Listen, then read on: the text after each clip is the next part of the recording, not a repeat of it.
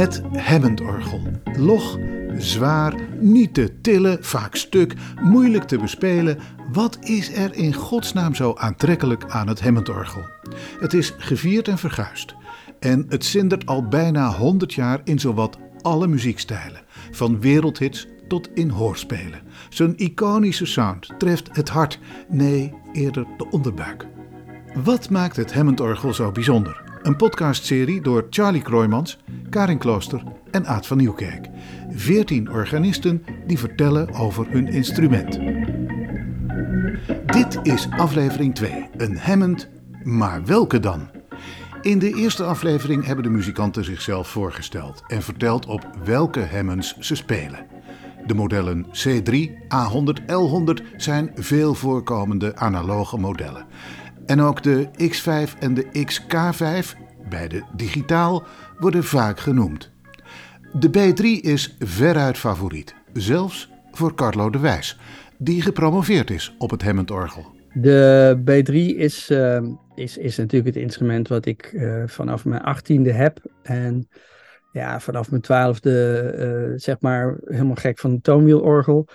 Dat instrument is eigenlijk imperfect. We, noemen dat, dat heb ik ook in mijn onderzoek eigenlijk met, met velen besproken. iedereen ziet het, het oorspronkelijke Hammond-orgel eigenlijk als het, de perfecte Hammond. Maar en dat is het ook qua sound, maar eigenlijk is het een imperfect instrument. Waar heel veel bijgeluiden, imperfecties in zitten. En dat samen, zeg maar, met, met die sound maakt dat, dat het, dat het een, een, eigen leven kan leiden. En dat het een soort magie oproept in dat geluid, maar ook in het gevoel als je het bespeelt. Waardoor we het eigenlijk als een soort perfect instrument zien. En um, Kijk, als je dat instrument helemaal perfect zou maken, dan krijg je een soort van super uh, uh, digitaal instrument waarbij je alle imperfecties bij wijze spreken eruit hebt gehaald. Nou, dan heb je dus een klinisch uh, instrument wat, wat helemaal geen leven in zich heeft. En als je erop speelt, dan krijg je helemaal geen feedback of krijg je niets terug. Dus voor mij was eigenlijk zeg maar de innovatie van het oorspronkelijke instrument van Hammond, van Lawrence Hammond, was de enige basis om te zoeken naar nieuwe innovatie. En dus niet zeg maar de huidige genera uh, generaties uh, digitale orgels. Want die zijn eigenlijk ook niet heel veel verder gekomen dan het simuleren of het emuleren van het oorspronkelijke. Ja, dan kun je beter met het oorspronkelijke aan de slag gaan. Die B3 is, is het instrument dat ik al, al had. Daar heb ik altijd op gespeeld. De B3 is ook het meest, laten we zeggen, het meest magische Hammond-orgel. Die, die op het podium natuurlijk door jazz en door pop- en rockmuzikanten omarmd wordt. Het is overigens helemaal niet het enige instrument hè, waar alle grote hits bij wijze van spreken opgespeeld zijn. Maar ja, dit is wel, wel de ultieme Hammond voor, voor een uh, muzikant. En ja, omdat dat orgel, zeg maar, wat ik heb en wat ook helemaal verbouwd is, uiteindelijk ook het orgel is wat ik ooit heb gekocht, kon het niet anders dan de B3 zijn.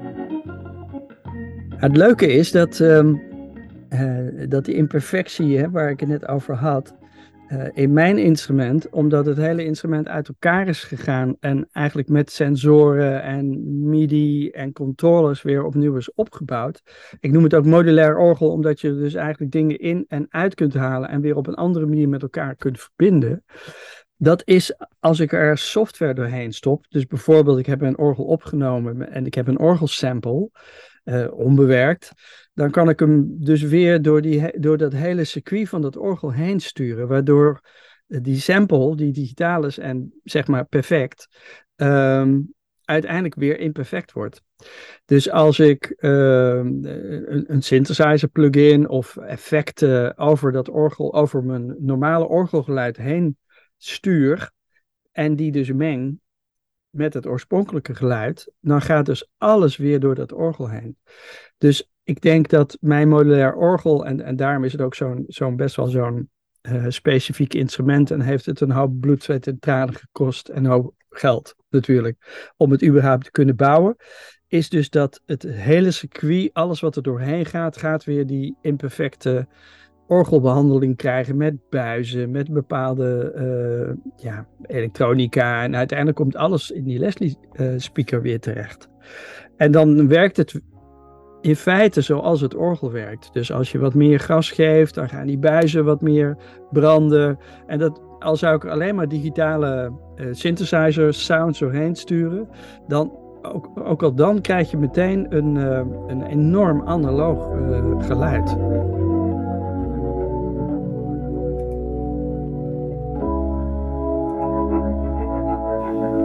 En wat is volgens Boy Ingwersen, die zelf op de A100 speelt, zo bijzonder aan de B3?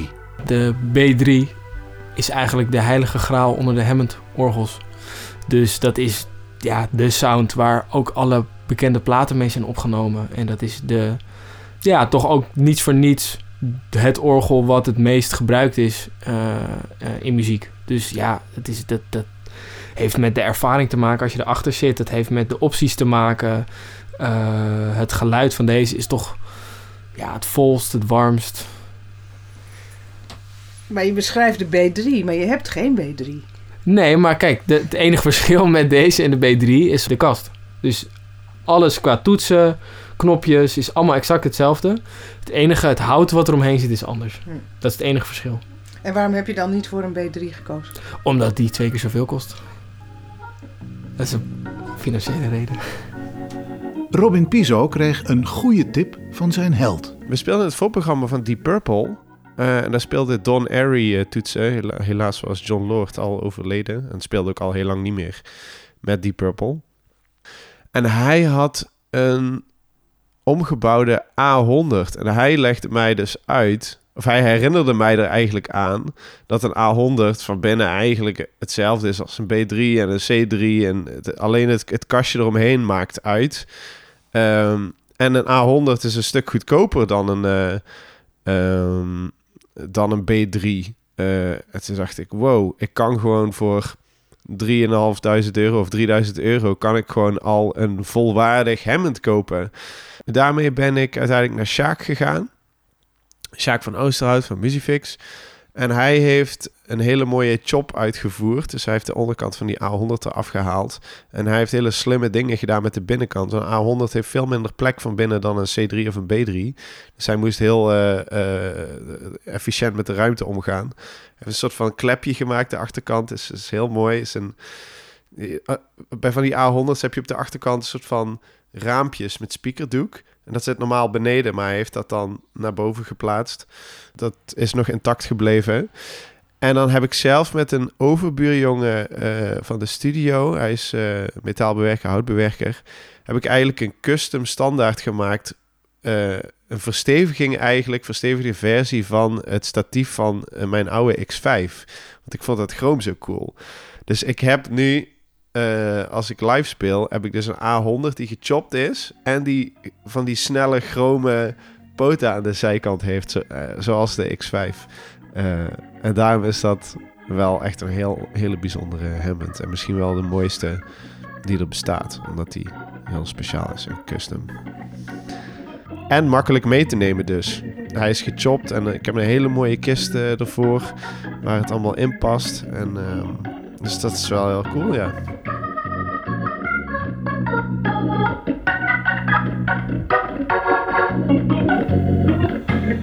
Terug naar Boye Ingwersen. Als je zou moeten kiezen tussen de A100 en de XK5? A100. Waarom? Ja, dat, dat is het echte instrument. Dat, dat, die, die, die keuze heb ik snel gemaakt. Ondanks het sjouwen? Ondanks het sjouwen, ja. ja. Kijk, het is wel handig om, om erbij te hebben wellicht. Om, om een, een Hammond-kloon erbij te hebben voor kleinere optredens wellicht. Of voor, uh, voor als je niet... Stel je speelt in een band waarin je niet die twee manuelen... of wel twee manuelen, maar niet de baspedalen nodig hebt. Ja, dan is het misschien handig om, om erbij te hebben. Maar als je gewoon in een orgeltrio gaat spelen... of in duo of... Ja, dan, als je, achter, als je hier achter zit met die, met die kruk en dit met, met versleten zijkanten, en, uh, maar wel het gevoel van zo'n echt orgel, dan wil je niet. Dat, dat is niet. Ja. Kijk, is het, het komt allemaal heel dichtbij en het publiek zal het misschien niet horen. Maar jij als speler ervaart zeker het verschil tussen een kloon uh, en zeker een digitale kloon. Die zijn eigenlijk alleen maar digitale kloons en een, het echte orgel. Volkert Oosterbeek, eigenlijk een anti-Hammond-organist, legt uit waar dat aan ligt. Kijk, een, een, een toonwielorgel, dat beweegt sowieso. Net als, een, net als een LP, dat beweegt, dus dat klinkt warm. Tegelijkertijd mis je een beetje, mis je een beetje hoog en een beetje laag en, en de beweging. En het zorgt er tegelijkertijd voor dat er een warm, warm geluid krijgt, wat ik helemaal te gek vind. En bij een digitaal orgel is het, ja, dit is gewoon een, een digitaal signaal. Dus je krijgt alles erop en eraan. Dus je kan wel EQ'en en alles. Erop. Maar heel warm, helemaal het, het fysieke buizengeluid, ja, dat, dat heb ik niet. Ja, er zitten buizen in de Leslie en dat, dat doet nog wel het een en ander. Um, maar ik heb niet die fysieke grote grote buizen die in de B3 zitten. Dus het klinkt gewoon anders. Maar daarin kan Bert van den Brink zich absoluut niet vinden. Je kan er heel lang of kort over praten, maar eerlijk gezegd hoor je bijna het verschil niet tussen de samples en de authentieke orgels. Hoe, hoe me dat ook spijt, hoe ik ook eigenlijk zou willen dat, oh ik ruik die olie en, en die buizen en die lampen worden warm, oh wat gezellig, wat knus. maar eigenlijk, eigenlijk maakt het bijna niks meer uit. En um, daarmee zeg ik niet uh, dat, je, uh, dat je dit instrument, dat je zo'n authentiek instrument maar moet vergeten. Maar daarmee wil ik een beetje onderstrepen dat het, het, het je speelt op het, het, het Hammond-orgel is een geluid, is een geluidskeuze in die hele steeds groter wordende wereld van mogelijkheden van toetsenborden die mensen allemaal bespelen. En een piano is dan nog een authentiek akoestisch instrument. En een Hammond-orgel, ja, als je een authentiek hebt, is het een ding met een mooi kastje eromheen en lampen en een, een motortje wat uh, zo lekker draait en snort. En de Leslie. Maar het is uiteindelijk is het een sound. En dat is ook weer heel bijzonder, want dat heeft die Lawrence Hammond wel voor elkaar gekregen. Samen met meneer Leslie. Ja. Tja, Hammond en Leslie. Ook al is het slechts een gevoel, gevoel blijkt toch een belangrijke graadmeter te zijn. We hebben de spelers leren kennen en we weten nu op welke Hammonds ze spelen. In de volgende aflevering ontdek je dat ook jij meer weet van de Hammond dan je misschien denkt. Meer informatie vind je in de show notes. De leader en de achtergrondmuziek zijn van Boy Ingwersen.